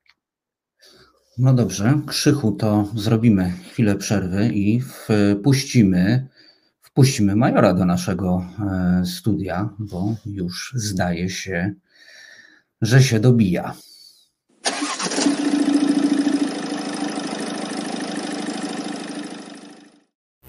Słuchasz Resetu Obywatelskiego. Reset Obywatelski medium, które tworzysz razem z nami. Komentuj, pisz i wspieraj. To ja mam taki konkurs jeszcze dla Państwa. Jeszcze raz puścimy potem e, taki prawdziwy polski dźwięk, czyli diesla. I kto zgadnie, to coś wymyślę, nie wiem, kawę komuś zaparzę albo E, albo coś takiego. Zaproszę na kawę. Mm, coś wymyślimy, ale niech będzie taki konkurs. No, na razie reset jeszcze nie ma e, gadżetów. Zresztą nie wiem, czy będziemy się na takowe decydować. E, no i to jest chyba dobre miejsce, żeby też poprosić Was o wsparcie, żeby ten nasz reset się dalej rozwijał, żebyśmy mogli, jak mówi redaktor Woźniak, razem mogli dalej wspólnie obywatelować. Nasz kolejny gość napisał dwa dni temu na łamach Super Expressu tak. Jeżdżą niemieckimi Volkswagenami, BMW, Mercedesami oraz Audi. Biorą ubrania w niemieckich proszkach, a potem psikają je niemieckimi perfumami. Piją niemieckie piwa i wina trzymane w niemieckich lodówkach, a gdy pojawia się syndrom dnia następnego, leczą się niemiecką aspiryną i szczotkują zęby niemieckimi pastami i szczoteczkami. Łączymy się z galopującym majorem, autorem Pancernej Brzozy oraz powieści Przedwojnie, znany Wam na pewno jako autor bardzo niepokornego bloga i artykułów. Postaramy się, mam nadzieję, wejść do prawicowych, nacjonalizujących łubów i rozpoznać odrobinę to, czemu Polak katolik wybrał się na dzisiejszy protest, czy to swoją patriotyczną niemiecką bm w dieslu, czy Passatem. Dzień dobry, majorze. Dzień dobry Państwu, dzień dobry. Cieszę się, że Cię słyszę. Chciałem taki żart powiedzieć, że miło Cię widzieć. No właśnie, to jajko, w którym w środku jest ta biała osoba, to jestem ja, proszę mi wierzyć. Nawet podobne, bo równie okrągłe. No to co, zaczynamy? No to zaczynamy. Majorze, to czemu Polacy tak kochają chemię z Niemiec? Kochają pieniądze z Niemiec, ale nie, nie kochają pomocy z Niemiec. No właśnie. To jest. E, czy ja myślę, że może nie tyle Polacy, bo nie wydaje mi się, żeby to było tak, że jakoś e, istnieje bardzo duży resentyment e, w stosunku do Niemców w polskim społeczeństwie, zważywszy na to, e, jakie mamy zaszłości historyczne. Mam wrażenie, że raczej wśród wielu, wielu wyborców raczej jest pewna zazdrość w stosunku do, do Niemców, że Niemcy urodzili się niejako po tej lepszej stronie historii. E, w przeciwieństwie do nas. I to spowodowało, że rzeczywiście e, wygląda to tak, że nawet jeżeli wywołali II wojnę światową, nawet jeżeli wymordowali naszych dziadków, to nagle okazuje się, że jest to kraj, który z drugi raz znowu ma szczęście. No niektórzy mówią, że to nie jest szczęście, tylko Niemcy sobie sami potrafią przy nim pomóc. Natomiast oczywiście istnieje na prawicy pewien resentyment e, antyniemiecki, e, przy czym trzeba sobie zdawać sprawę, że istotą prawicowości są w ogóle tylko i wyłącznie resentymenty. Znaczy, ta jest kraj, który, jeżeli chodzi o. E, znaczy, Polska jest takim krajem, polska prawica może, e, rozumie to w ten sposób, że nienawidzimy się, czy powinniśmy nienawidzić Niemców, powinniśmy nienawidzić Rosjan. Czechów z Czechami możemy gardzić. Szwedzi w ogóle nie istnieją. Francuzi i Włosi to są homoseksualiści. Hiszpanii mordowali zakonnice. Właściwie jest tylko jeden kraj, to są Węgry, tylko dlatego, że tam jest Orban. Jeżeli Orban upadnie kiedyś, nie wiadomo kiedy to będzie tak samo mm, wyglądało to w stosunku do Orbana. To znaczy, Polska jest krajem, który, polska prawica, e, myślę, że Polska jest krajem, któremu wszyscy powinni zazdrościć, który jest wiecznie skrzywdzony. Ja na to patrzę trochę, to jest taki syndrom któregoś dziecka z kolei, które czuje się ciągle niekochane, a które uważa, że absolutnie e, zasługuje nie tylko na miłość, ale na pierwszeństwo wobec czego jest cały czas ten e, problem. No i oczywiście na tym stara się budować na tym resentymencie stara się e, budować e, Kaczyński, a jeszcze bardziej próbuje go z prawej strony obejść Bosak i nacjonaliści, no i ruchy faszystowskie w Polsce. To, co mnie zszokowało, jeżeli chodzi o tę odmowę tej pomocy niemieckiej, to jest to, że ludzie mogą de facto umierać w karetkach. I co się dzieje? No dzieje się to, że mimo to odmawia się pomocy. E, nie mamy szpitali gotowych, mimo to odmawia się pomocy. E, pytanie, czy teraz, e, jeżeli to Niemcy jednak wpadną i oni będą mieli pierwsi szczepionkę, to ty też się odmówi pomocy. To znaczy, cała polityka polska jest skierowana na działania wewnętrzne i karmienie tych resentymentów, co z kolei powoduje, że nie tylko mamy zdewastowany status międzynarodowy Polski jako kraju, ale przede wszystkim mamy, e, ale na ten moment dewastuje się również politykę wewnętrzną, no bo przecież do niej należy zdrowie obywateli. To znaczy, Twoje życie, Polko i Polaku, nie jest tyle warte, żeby rząd zwrócił się o pomoc do kraju, rządzonego przez Angelę Merkel, o której to Merkel swego czasu Kaczyński powiedział, że ona jako e, kanclerka Niemiec jest dla nas najlepszą gwarancją naszych polskich interesów. Wobec czego życie ludzkie, ono się dla tego rządu liczy na papierze, ale nie, się nie liczy się w rzeczywistości. polityka czy resentyment polityczny ma tutaj pierwszeństwo nad bezpieczeństwem obywateli. To już jest, no, to już jest moim zdaniem troszeczkę e, ociera się o zdradę e, racji stanu Polski. No i, no i w ten sposób PiS staje się partią, która jest po prostu zagrożeniem dla życia własnych obywateli, bo jeżeli nie, nie jest się przygotowanym do pandemii, a ktoś e, proponuje pomoc, to psim obowiązkiem władzy, jak to się brzydko mówi, jest to, że powinna pomóc. Widziałem trasę przemarszu dzisiaj. Porównując to do chociażby tras robionych przez strajk kobiet e, w ostatnich tygodniach, to narodowcy nawet jak łażą w kółko, to muszą chodzić w linii prostej, wiesz? E, jeszcze raz, jak przepraszam, mógłbyś, mógłbyś e, powtórzyć, jakby ułożyć? E, widziałem trasę przemarszu tak. dzisiejszego. Porównując to do tras robionych przez, strajki, przez strajk kobiet, to narodowcy nawet jak łażą w kółko, to muszą chodzić w linii prostej. Ja bym to powiedział, tak się patrzyłem, zastanawiałem, zastanawiałem się nad tym, jak to wyjdzie, to porównanie, napiszę taki tekst, ale Rzeczywiście chyba zgodzę się tutaj z Ziemowitym Szczerkiem, który był na marszu, ja go tak tyle co obserwowałem w sieci, że to jest pierwszy marsz bez tych mitycznych kobiet i dzieci. To znaczy, siłą marszu e, narodowego było to, że stworzyli pewien event z pewną taką trochę weselno, paździerzowo, kibicowską oprawą, czyli to, co powiedzmy taki przeciętny Polak lubi i co rzeczywiście jest e, sednem bardzo wielu marszów na całym świecie. I dali czy wmówili, czy potrafili przekonać uczestników, że to jest jedyna impreza.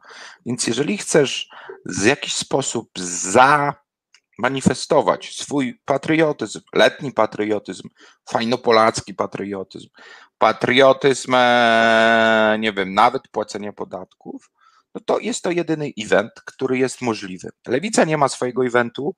E, próbowała władza robić swój event, e, pamiętamy, a to czekoladowy orzeł, a to jak parę lat temu PiS y, uciekał przed Marszem Narodowców, a to wreszcie ostatnio miało być dzisiaj o 12 śpiewanie Nikt tego nie, nikt tego nie bierze na poważnie. Wobec czego Marsz Narodowców jawi się jako jedyny event.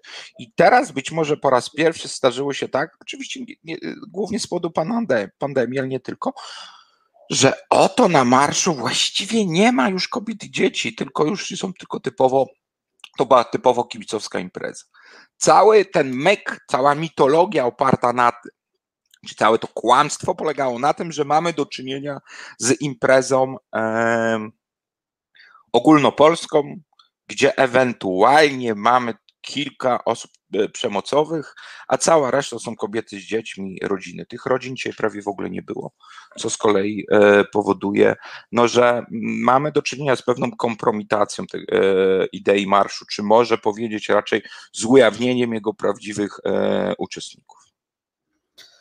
Myślę o tym, co mówisz, o tym zawłaszczeniu, o tym takim fajnopolactwie, na łamach krytyki politycznej ukazał się dzisiaj tekst e, Przemka Witkowskiego, który pisze tam o roli profesora Jana Żaryna. Trochę mi przez gardło nie przechodzi e, profesor przed tym nazwiskiem.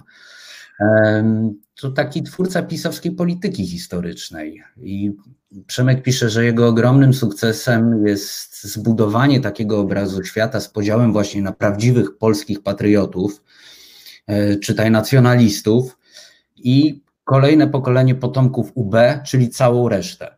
Kochasz Polskę, więc musisz być jak ogień, bury czy łupaszka i nienawidzić komuny, obcych, być nacjonalistów. E, to takie Mackiewiczowskie ukończenie jest dosyć istotne na prawicy i ja mam wrażenie, że nawet nie tylko u pisowców, ponieważ e, pisowcy historycy są w stanie jeszcze powiedzieć coś dobrego, nie wiem, o PPS-ie powiedzmy. Natomiast Żaryn jest już historykiem nacjonalistów. To jest nacjonalista. Żaryn jest człowiekiem, który napisał, że nie ma żadnych dowodów, że generał Franco jest odpowiedzialny za czystki etniczne czy zamordowanie ludzi w Hiszpanii. Tam zginęło 200 tysięcy ludzi. E, z rąk Franco tam były gwałcone kobiety i dzieci. Do dzisiaj wyciąga się z jakichś jam ciała. Tam była sytuacja, gdzie po wojnie odbierano dzieci tobie tylko dlatego, że miałeś, nie wiem, nawet nie miałeś lewicowy poglądy, tylko za czasów Republiki, jeżeli oczywiście przeżyłeś. Twój, nie wiem, twoja żona na przykład, e, czy, czy mąż, e, czyś był burmistrzem, mm, kobiety, kobietom zabierano dzieci i te dzieci e, dawano faszystom na wychowanie. Działy się rzeczy po prostu straszne, czystki etniczne. Profesor Preston napisał nawet, że, że to jest po prostu Holokaust hiszpański, to co się tam działo. Żaren powiedział, że nie ma żadnych dowodów. Dla mnie to jest historyk na poziomie denialistów zbrodni Hitlera. Ja mówię, to ja tak postrzegam jego rolę, jeżeli chodzi o historię. No i i gdy więc go słyszę, jego podział, jego, gdy słyszę jego wychwalanie um, Dmowskiego, e, no to człowiek, wszystko się w człowieku gotuje. Natomiast e, proszę zauważyć, że Żaryn jest jednocześnie mm, e, takim historykiem bardzo wyważonym i spokojnym, jeżeli chodzi o sposób bycia. To nie jest jakiś narwaniec. Mówi taki tam, no, starszy pan, który coś opowiada spokojnie, delikatnie, no a potem na koniec okazuje się, że po prostu popiera zbrodniarzy. E, I tyle. E, jeżeli chodzi o prawicową politykę historyczną, e, mam wrażenie, że powoli następuje jej przesyt. To jest wielkie pole dla lewicy do zagospodarowania, to znaczy, no, co by tu nie mówić, ta niepodległość, która była w 1918 roku, to jest niepodległość wywalczona przez lewicę. Przecież legiony, jeżeli już zakładając oczywiście, że, że to Polacy byli głównym mm, czynnikiem, który wywalczył tą niepodległość. Co do tego ja, ja, mam pewne wątpliwości, ale jeżeli weźmiemy pod uwagę tylko czynnik polski, no to była to rola Piłsudskiego, a jeżeli to jest rola Piłsudskiego, to on zbudował legiony na bazie czego? Bojówek pepesowskich, które walczyły z kim? No walczyli z, walczyli z kolaborantami carskimi od Mowskiego. Lewica dała Polsce niepodległość w 1918. Lewica dała Polski wolne związki zawodowe w latach 80. Lewica w 89 roku dała Polsce niepodległość. Prawica zawsze była, to jest po prostu, mają to w swojej politycznej agendzie, kola, e, byli kolaborantami, ale to oni teraz zawłaszczyli temat niepodległości, chociaż gdy była bitwa warszawska, to pierwsze co robił Dmowski, to uciekł do Poznania, bo się bał. Więc cały czas mamy do czynienia z pewnym zakłamaniem historycznym, ogromnym zakłamaniem mm, w ramach tej maszynerii zakłamania Żaryn odgrywa bardzo, bardzo istotną rolę oprócz wielu, wielu innych, e, więc e, warto, warto cały czas e, tłumaczyć, jak wyglądała rzeczywiście historia Polski, ponieważ czym my możemy się pochwalić na całym świecie, jeżeli ktoś chce, to właśnie lewicową Solidarnością, to właśnie e, lewicowym PPS-em, a nie endecją, która, która jest zakałą historii Polski.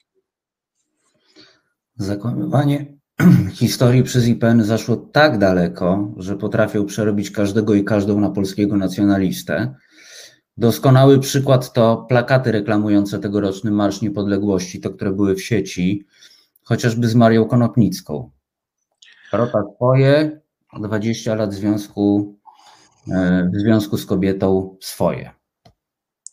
E, w ogóle z Marią Konopnicką to jest dosyć ciekawa rzecz, ponieważ e, prawica sama była zaskoczona. Ja pamiętam, jak Piotr Semka pisał z oburzeniem na książkę Krzysztofa Tomasika bodajże czy na artykuł Krzysztofa Tomasika odnośnie orientacji seksualnej E, autorki Roty. Przez wiele lat prawicy się to nie e, w głowie nie mieściło, no ale jeżeli zaczęto dokładnie badać, okazało się, że Konopnicka nie tylko żyła 20 lat w związku, ale o ile dobrze pamiętam, ona również zostawiła dzieci dla tego związku. To, to już jest taki argument, w którym trudno z nim polemizować, że no, poszła sobie do jakiejś cioci na herbatkę, tak? No i to spowodowało, że rzeczywiście e, prawica jeszcze próbuje z Konopnicką zawłaszczyć, ale, e, ale jest to coraz, e, idzie to coraz gorzej. Idzie to również coraz gorzej, dlatego że ostatnio Rotę śpiewano nawet na strajkach kobiet, co rzeczywiście daje ciary, ponieważ to jest jest rzeczywiście taka pieśń bojowa, która gdy śpiewają wiele osób podczas demonstracji, to rzeczywiście ona potrafi zrobić takie wow. No ale pamiętajmy, że prawica zawłaszcza dalsze mm, postacie. Orwell. Orwell, który powiedział tuż po wojnie Hiszpanii, że wszystko, co napisał w swoim życiu, e, od czasu powrotu z wojny domowej w Hiszpanii, mm, to było pisanie za demokratycznym socjalizmem. Tak jak on sobie go wyobraża. To jest cytat, który jest na polskiej prawicy w ogóle nieznany. Oni myślą, że Orwell to jest taki prawicowiec, który krytykował komunizm, podczas gdy on przez wiele lat był troskistą. E, mało tego, Krzysztof Kamil Baczyński Kolejna postać, która powoli jest odkłamywana, to człowiek, który przez wiele lat był na ustach e, polskiej prawicy, gdy nagle zorientowali się, że Baczyński nie tylko był e, w młodości, e, czy w ogóle był lewicowcem, nie tylko był żydowskiego pochodzenia, ale niektórzy twierdzą, że również mógł być osobą biseksualną, albo przynajmniej przedmiotem pożądania Andrzejskiego. E, czy miłości wręcz. Wobec czego mamy do e, czynienia z sytuacją zawłaszczania kolejnych e, połaci całej pamięci historycznej. Mamy do czynienia z zawłaszczaniem lewicowych bohaterów, czy, czy, czy innego rodzaju bohaterów, czy bohaterów liberalnych. Czy na, natomiast prawica stara się wskazać, że wszyscy byli nacjonalistami, a historia jest pełna nacjonalizmu, podczas gdy nie. Na szczęście akcja rodzi reakcję i w tym przypadku wychodzi coraz więcej książek e, pokazujących lewicowy punkt e, widzenia. Bunt e, chłopów pańszczyźnianych, książka Damalszczyńskiego, która właśnie ma, ma przyjść, czyli ta ludowa historia Polski, która, na którą czekało się dosyć długo, ponieważ mamy ludową historię Stanów Zjednoczonych, mamy ludową historię rewolucji francuskiej, mamy ludową historię rewolucji rosyjskiej, ale takiej dobrej, ludowej historii Polski nie mamy. Teraz będziemy mieli e, książka o czasach pańszczyzny również e, przez Kaspra Pobłockiego ma być wydana. Tych książek będzie coraz, coraz więcej. Mm, to powoduje w mojej ocenie, e, że jednak ta dyskusja historyczna znowu wróci na, na, na tory lewicowe czy centrolewicowe i odejdzie od e, tego nacjonalistycznego kłamstwa, na którym e, przez wiele lat było budowane. Myślę o tej Myślę o tym zawłaszczaniu tych symboli przez prawicę, przez nacjonalistów. I zastanawiam się, czy, czy samo odebranie symboli może być jakimś e, sposobem na powiedzmy no, odzyskanie w jakimś e, stopniu, na przykład 11 listopada. Pierwszym elementem odzyskania powinna być flaga biało-czerwona.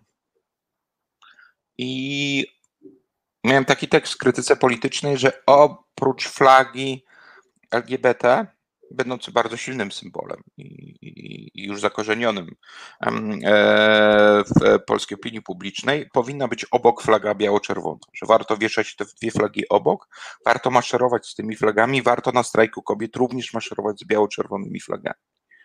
E, ja mam taką roboczą teorię, że problem z biało-czerwoną flagą jest taki, że ona tak bardzo obrosła w pewien ten taki nacjonalistyczny paździerz, mm, e, że po prostu staje się estetycznie dla bardzo wielu osób e, niestrawna. Natomiast prze, przezwyciężenie tego jest dosyć trudne. I to jest pierwsza, pierwsza, pierwsza jakby taktyka. Druga taktyka to jest taktyka, w której dajemy własne symbole czyli symbole, które sami wytwarzamy i symbole, któremu nadajemy mm, własny sens. To jest nie tylko tęcza, ale to są też spiorun strajku kobiet i tak dalej, i tak dalej. Pytanie tak naprawdę jest za 100 punktów, czy jesteśmy w stanie odzyskać symbolikę biało-czerwoną, czy w ogóle symbolikę flagi, czy wręcz przeciwnie, powinniśmy już sobie darować i szukać e, innej? No to jest takie pytanie trochę strategiczne. Oczywiście można próbować jednego i drugiego. E, pytanie, na ile, na ile to się uda. Do tej pory nikomu się nie udało odzyskać flagi. Ona ma właściwie znaczenie głównie na marszach niepodległości, głównie na marszach reprezentacji Polski piłkarskich, jeżeli czy sportowych. I to właściwie jest wszystko. Mm, używanie tych flag, na przykład przez straj kobiet, moim zdaniem byłoby bardzo dobrym i rozsądnym pomysłem, ale z drugiej strony, no tak jak mówię, to wymaga mm, i pewnego pomyślunku, ale przede wszystkim no, wybrania, która z tych strategii będzie lepsza. No, jeden z naszych słuchaczy, Julek, słuchaczy podglądaczy, przyzwyczajenia. E, wiele lat temu jako lewak pokazałem się tym patriotom, e, cały w biało-czerwonych barwach. E, nic ich tak nie wkurwiło jak taka zagrywka.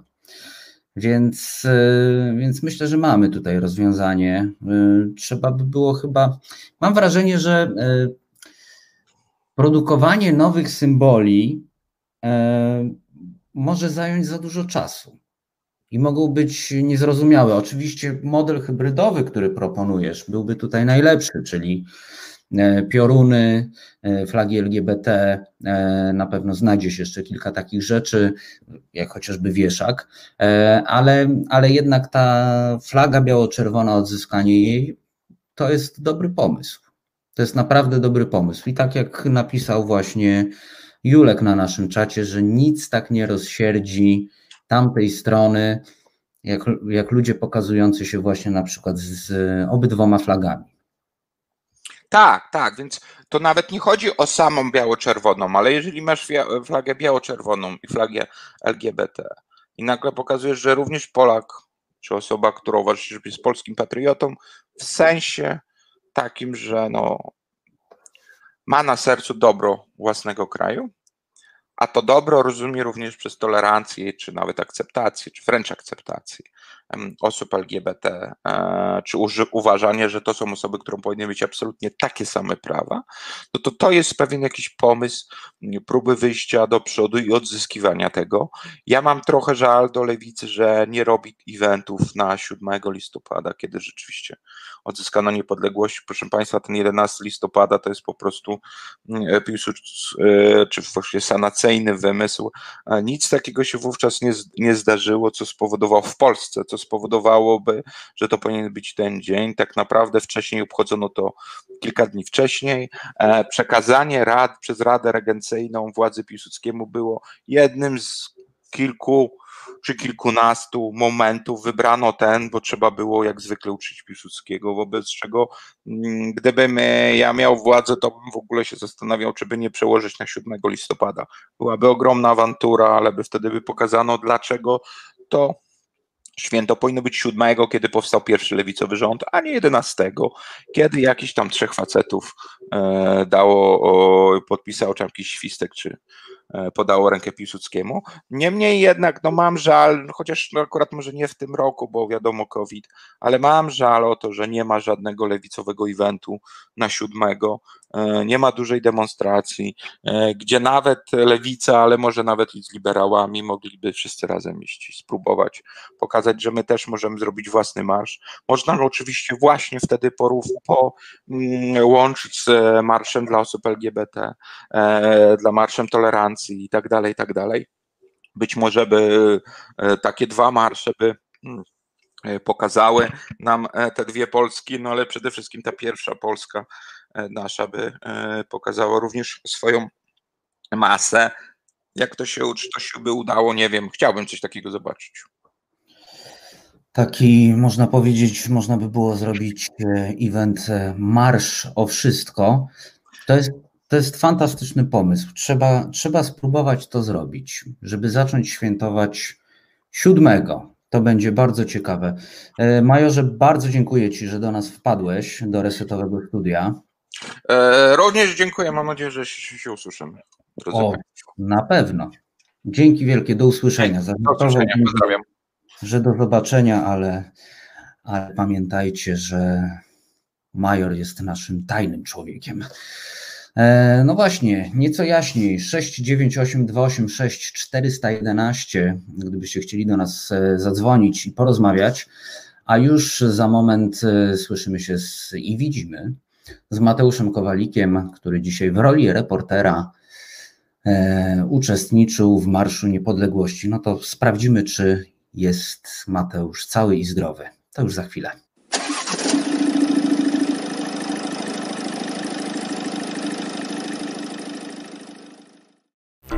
Słuchasz Resetu Obywatelskiego. To jest Reset Obywatelski. Tworzymy go razem. Dołącz do nas na YouTube, Facebooku i Twitterze. Trochę Państwa tak dzisiaj tym dieselem tak podpuszczamy, bo to taki według Krzyśka i mnie trochę taki prawdziwy dźwięk polski. No i oczywiście, e, oczywiście cały czas jest konkurs e, dotyczący tego, e, co to jest za silnik diesla, z jakiego samochodu. E, podpowiem, że to oryginalny diesel, w sensie, że niemiecki. E, także tutaj cały czas chyba nagrodę ustalimy, jakby, ale no też oczywiście można powiedzieć, że można powiedzieć, że no, najważniejsze jest no tak, wygrana, no, no wygrana po prostu. nie wiem, o, o, o honor, o prestiż, o, o prestiż. Jak, jak na ucho poznać diesla. Aleksander Kosior pisze, że Volkswagen. E, no, może, może. E, bawimy się w takim razie, a z nami już e, Mateusz Kowalik. Cześć Mateuszu. Cześć. Dobry wieczór. Roli reportera. Cześć. Proszę, mógłbyś powtórzyć? Dzisiaj w roli reportera. Prosto z marszu. Tak, zgadza się. Byłem na Marszu Niepodległości. Tak, już kilka godzin minęło. E, słuchajcie, mm, nam e, jest sygnał, także Krzysiek się połączy inaczej z Mateuszem. O, pan Andrzej Gorka pisze, audycja jest technicznie niedoskonała. E, no to tak można dyskutować tutaj w ogóle, czy jest coś takiego jak doskonałość, ale rozumiem, panie Andrzeju, że jest pan zapewne e, platonikiem e, i, i żyje w świecie idei, tam, w świecie Zofii, takiej książce bardzo dobrze wprowadzającej w świat filozofii.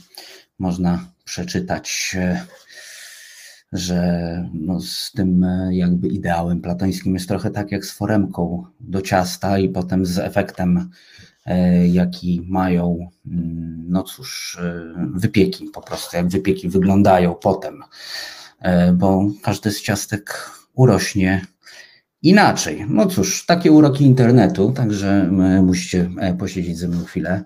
Państwo sami. Mm, no muszę wrócić do tej relacji E, zresztą nie jednej. Wspominałem na początku audycji e, naszego programu, że podglądałem e, taką relację pisaną na stronie Super Expressu.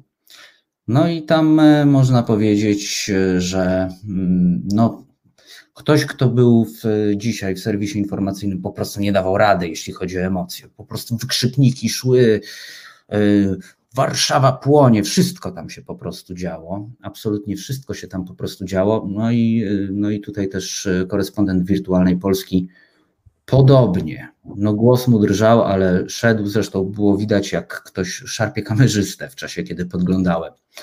I Mateusz jest z nami ponownie. Tak, jestem. Mam nadzieję, że tym razem słychać mnie dobrze.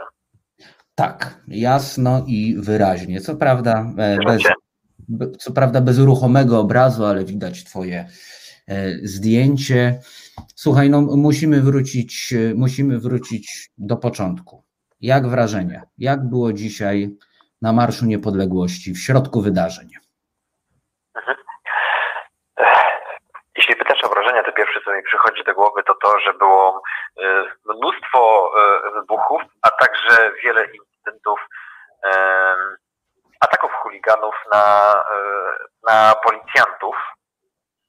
Mm, również e, widziałem, jak wrace wielokrotnie koziołkowały w powietrzu. Jedna z takich rac trafiła e, nawet w mieszkanie e, na Powiślu. Była to raca, e, była to raca rzucona z wiaduktu mostu Poniatowskiego. E, w efekcie zapaliło się wnętrze jednego z mieszkań. Mhm. E, równolegle widziałem, że w marszu brało też, brał też udział mm, rodziny, chociaż sądzę, że nie tak licznie jak w poprzednich latach. No ale pierwsze wrażenie, jakie pozostaje, to, to hałas i agresywność zachowań pewnych uczestników dzisiejszej manifestacji. Nie no, to spalone mieszkanie to krąży w sieci e, już, e, już jakiś czas. E, no i oczywiście i, i intelektualnie wiadomo, tytanie intelektu, więc rzucali w inny balkon, podpalili inne mieszkanie. Tutaj Państwo pisaliście na czacie, Robsonak 222 w ogóle pisze, że to próba morderstwa. To ja to widzę cały czas, Robsonak, to już nie pierwszy raz, kiedy to piszesz. E, ale tak e, myślę sobie, myślę sobie, że tak, no, no ogólnie ani, ani, e, ani za dużo tych ludzi dzisiaj nie było. Ani, ani jakoś porażająca ta trasa marszu nie była, ale jest jeszcze jedna kwestia. Państwo tutaj pisaliście, że spłonęło mieszkanie, bo niestety siadłem do audycji, kiedy ta rzecz się pojawiła, spłonęło mieszkanie jakiegoś kolekcjonera Witkacego, czy jakiegoś znawcy Witkacego, żeby było, żeby było jeszcze smutniej. E, to był ten balkon, e, w który nie miała trafić raca. No i strzelanina była. Czytałem, że strzelanina była, Mateuszu. Tak, ja też świadkiem ja świadkiem tej strzelaniny nie byłem, tak mi się wydaje, ponieważ tak naprawdę trudno było e, odróżnić wybuch, w pewnym momencie trudno było odróżnić wybuchy e, mhm. petard od e, dźwięków strzelaniny. To, że strzelanina była i właściwie kto użył broni, ponoć policja użyła broni gorkorufowej nie w centrum, ale już na Pradze przy stadionie, to wiem z relacji innych reporterów, ale na pewno te akty agresywne są tym, co pierwsze się przybija, kiedy się myśli i mówi o, o dzisiejszym e, Marszu Niepodległości. To ja e, widziałem dość e, wyraźnie, ale ciągle z pewnej odległości, to, mm, to kilkunastu minut, to sytuacja trwała kilkanaście minut, kiedy kiedy chuligani rzucali race i petardy w stronę donu policjantów z prewencji, którzy zatrzymali się przy Empiku, przy, przy rondzie de Gola. Mhm. To miejsce staje się w ogóle znamienne, ponieważ podczas jednego, jednej z manifestacji strajku kobiet w tym miejscu również miała miejsce tak zwana tak zwana zadyma. Dzisiaj ta, ta sytuacja była bardzo długa kilkanaście minut leciały race w kierunku, e, w kierunku, e, w kierunku policjantów zgromadzonych przy, przy Empiku. Ludzie się rozpraszali, jedni e, przechodzili z drugiej strony, wybuchały, wybuchały tam też fajerwerki, wiele petard. Następnie ten rozjuszony tłum ruszył dalej i wielu manifestantów wręcz szturmowało barierki przy Muzeum Narodowym. E, w tym samym czasie kilkoro z nich e, rzucało kostką brukową w stronę e, zwartego szyku policjantów. No, kostka brukowa jakby no, taki stały, stały repertuar, można powiedzieć. To już, to już nie pierwszy rok. No ale słuchaj, wziąłeś się nie bez powodu dzisiaj na, na marszu. To, to nie była jakby tak po prostu e, wycieczka e, na marsz. E, więc mam takie delikatne pytanie do Ciebie. Ile możesz nam zdradzić a propos Twojego dzisiejszego projektu, Twojego udziału w marszu? Jasne, nie chciałbym zdradzać wszystkich szczegółów, natomiast mogę powiedzieć to, że dzisiaj relacjonowałem to wydarzenie dla zagranicznej telewizji spoza, spoza Europy, więc również muszę sobie wyobrazić, że widzem będzie ktoś, komu e, Polska nie jest e, do końca dobrze znanym krajem, a także nie jest dobrze znany bieżący kontekst tego, co się, co się w Polsce dzieje. Było to przygotowanie do, do reportażu na temat ostatnich wydarzeń w Polsce, to znaczy protestów przeciwko orzeczeniu Trybunału Konstytucyjnego. No i w ramach e, realizowania tego reportażu, oprócz tego, że przyglądałem się temu, co się dzisiaj działo, to rozmawiałem też z jego uczestnikami. I usłyszałeś coś ciekawego od, od uczestników marszu dzisiaj? Coś, co cię zaskoczyło? E, tak, zaskoczyło mnie bardzo to, jak wobec mm, jak wobec tego huku petard, które oznaczały nie tylko, w moim mniemaniu, nie tylko manifestację przywiązania do patriotyzmu i idei patriotycznych, ale też zwyczajnie mm, sądzę, że mogę to z pełną odpowiedzialnością powiedzieć, miały e, za cel wzbudzić zagrożenie i poczucie niebezpieczeństwa, ponieważ te petardy były rzucane między ludzi, w policjantów, a także w stronę, w stronę budynków. Więc w sytuacji, w której mm, wielu uczestników w sposób oczywisty wzbudza zagrożenie, znaleźli się tacy uczestnicy, którzy opowiadali, że to, o co chodzi w tym marszu, to jedność, albo też jedność w różnorodności i starali się E, ignorować, właściwie nie, dostrzegać e, ilości ran, wybuchów, a także uczestników, którzy, e, no, po co dużo mówić, byli, sądzę, że można wprost powiedzieć, byli po prostu to pijani i agresywni. To było bardzo zaskakujące. Ale zaskakująca była agresja czy pijaństwo? Bo do agresji chyba już tak przywykliśmy. To już nie pierwszy taki marsz. Mhm. Zaskakujące było to, że, e, że dla wielu osób na pierwszy, e, pierwszy plan e, wysuwało się ich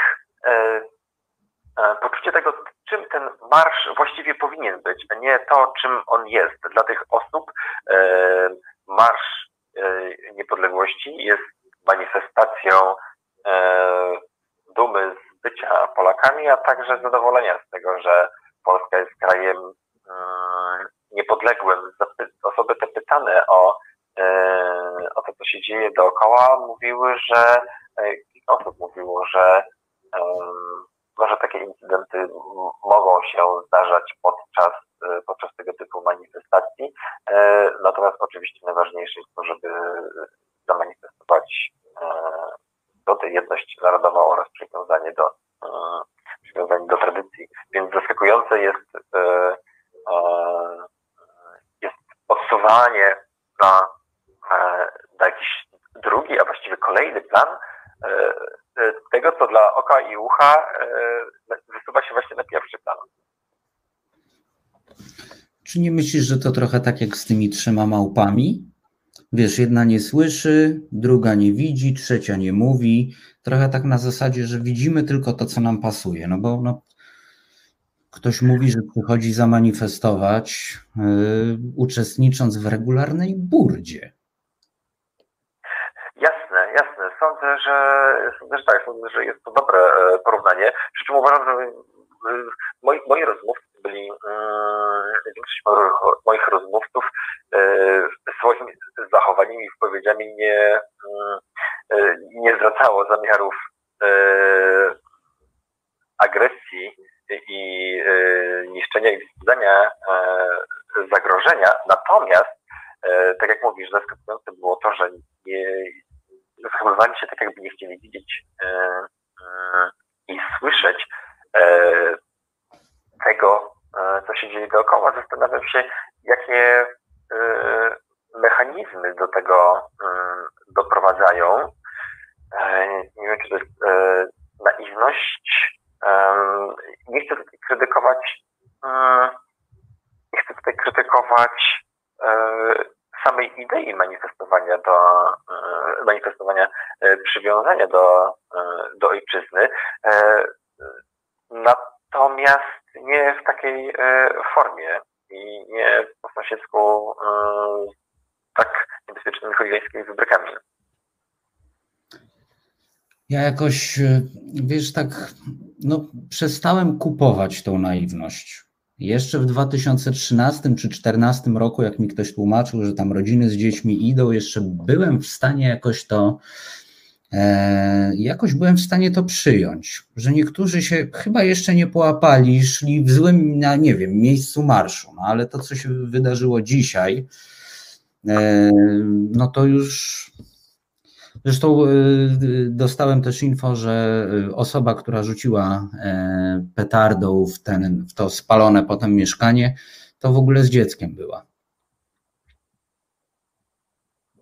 Okej, okay, to w takim razie dla mnie również jest bardzo zatrważające takiego rozwoju sytuacji, e, aż sam się nie, nie spodziewałem. No, Zaskoczyłem cię. Wydaje mi się, że byłaby tu potrzebna jakaś e, analizę, czy to psychologiczna, czy socjologiczna, no zastanawiam się, jakie motywacje e, e, kierowały osobą, która mając dziecko przy swoim boku, jeżeli jest tak jak e, to relacjonuje osoba, na którą się powołujesz, jeżeli osoba, która mając dziecko przy boku rzuca petardą, czy też racą w stronę e, balkonu, jak też domniemamy, na którym dlatego i dlatego rzuca, że, e, że tam jest albo tęczowa flaga, albo wizerunek strajku, logo strajku e, kobiet, to być może mamy do, do czynienia z werbalizacją nienawiści i to werbalizacją tak groźną, że doprowadza do, mm, do pożaru i do, do zniszczeń i zagrożenia mienia, życia, zdrowia. No właśnie, brałeś udział w jakimś yy, pochodzie organizowanym przez strajk kobiet? Tak, brałem. Mhm. I słuchaj, jakbyś to porównał, bo ja dzisiaj jestem, wiesz, z opcji, z, że tak powiem, z pozycji teoretyka, bo nie wyszedłem z domu. E, ale ty byłeś i na jednym, i na drugim, więc jakbyś to tak porównał?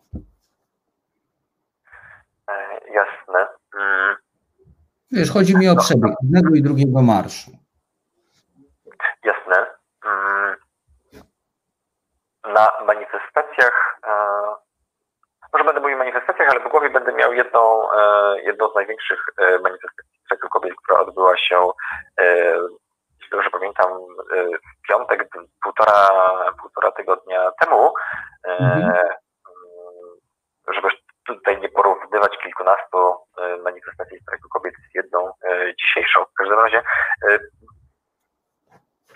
sądzę, że zdecydowanie przebieg tamtej manifestacji był, był bardziej pokojowy. Na tamtych manifestacjach pojawiały się tylko pojedyncze race i to były mm, race odpalane zazwyczaj przez pojedyncze osoby i mm, osoba, która taką rację odpalała, odpowiedzialnie ją, ją trzymała i jej y, zadaniem y, tej racy było, był efekt pewien świetlnej manifestacji. Natomiast dzisiaj ilość rac, które fruwały w powietrzu, były wyrzucane w stronę innych manifestujących, w stronę budynków, a także w stronę policji, była, e, była bardzo duża. Sądzę, że sam mogę powiedzieć, że widziałem kilkadziesiąt rzędu 30-40, y, y, żeby nie przesadzić, tak 30-40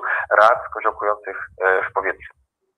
Oczywiście te race także były wykorzystywane do, do po prostu w trakcie manifestacji. Wielu uczestników je odpalało i trzymało.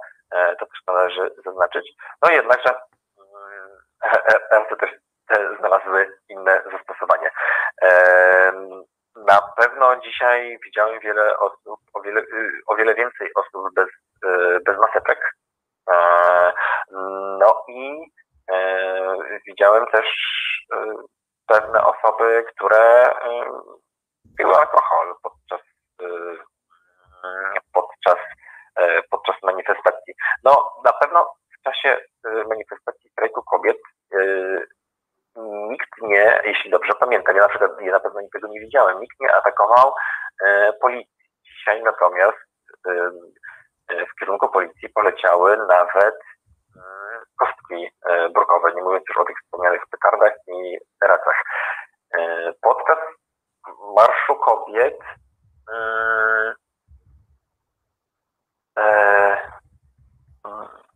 uczestnicy farbami i sprayami pisali różne hasła na jezdniach, na chodnikach, na przystankach, na fasadach budynków i to jest różnie oceniane. Dla jednych jest to wyraz tego niezadowolenia, czy jasno nazwanego wkurwienia, dla innych jest to akt wandalizmu. Natomiast dzisiaj dla porównania, jeżeli weźmiemy pod uwagę budynki, no to one ucierpiały zdecydowanie. Stały się w ataku, były w ich kierunku rzucane, rzucone właśnie wspomniane prace w stronę budynków mieszkalnych. Natomiast jeszcze w drugą stronę, no podczas strajku kobiet pojawiło się mnóstwo, mnóstwo haseł wypisanych na kartonach, wiele tęczowych flag, natomiast dzisiaj dominowały flagi, flagi biało-czerwone, było kilka zielonych flag ONR-u, no i było tak popularnych na strajku kobiet haseł wypisanych na kartonach. Mateuszu, bardzo Ci dziękuję za relację i porównanie. Wiem, że musisz lecieć, bo masz jeszcze sporo roboty. Pewnie. Naszym gościem był Mateusz Kowalik, dzisiaj w roli reportera bezpośrednio z Marszu Niepodległości. Dziękujemy bardzo. O, nawet było słychać, jak się rozłączyliśmy. Bardzo mi się to podobało. No i cóż. No to tak rzuciliśmy trochę światła dzisiaj na, na marsz. Mam wrażenie, że udało nam się coś z tego wyłuskać. No i chyba czas rozwiązać nas, nasz konkurs, ale jeszcze powiem, powiem coś bardzo fajnego, co mnie bardzo cieszy. Reset, zrzutka resetu przekroczyła już 10 tysięcy, za co bardzo Wam wszystkim dziękuję. Dziękuję Wam za wsparcie. Krzysiek też podrzucił. O, tutaj, o, muszę w, w kamerę ucelować, cyk, tu. Podrzucił link, jeśli ktoś jeszcze chciałby yy, się zrzucić yy, na działanie Resetu Obywatelskiego. No i, no i co? Krzychu, przywołuję Cię tutaj na samo zakończenie. Musimy się wytłumaczyć, jakiego diesla puściliśmy. Halo, halo, Krzychu. Cześć Kornelu, cześć ludzie i ludziska. No to musimy się teraz przyznać, któż, któż wygrał bitwę o honor w rozpoznawaniu dźwięków diesla? Ja mogę ze swojej strony powiedzieć, że z internetu ukradłem dźwięk Mercedesa 190D, model W201 to jest. No, czyli 190 diesel, tak? Tak. Dobra, ja się w tym nie łapię. W201. Także ci, którzy wymieniali Mercedesy starsze, byli, byli najbliżej i to, to kłamstwo. Krzysiek szpanuje. Nic nie ukradliśmy z internetu. Korzystaliśmy ze strony, która ma rozszerzenie org i można takie dźwięki pobierać tam za darmo. Przeróżne. Gdyby policja przypadkiem słuchała teraz naszego streama, to potwierdzam, że to była strona freesound.org i nic nie ukradliśmy, ja tylko żartowałem. Dobrze, także kto wygrał, kto wygrał honor, ten wygrał honor. Bardzo dziękuję za dzisiaj. No i do usłyszenia za tydzień. Zapraszam oczywiście na jutro i na pojutrze. Zapraszam też na sobotę, na niedzielę, poniedziałek, wtorek i znowu na środę można zobaczyć rozkład jazdy resetowy na naszym Facebooku mm, albo napisać do nas na przykład maila, jeśli ktoś jeszcze e, nie wie, mm, co i jak się dzieje. No i zapraszam na Wojtka, Wojtka Krzyżaniaka, głos szczerej słowiańskiej szydery. 10, 13 jutro. No to do usłyszenia. Dziękuję za dziś. Reset Obywatelski. To był program Resetu Obywatelskiego. Subskrybuj nasz kanał na YouTube, obserwuj na Facebooku i Twitterze.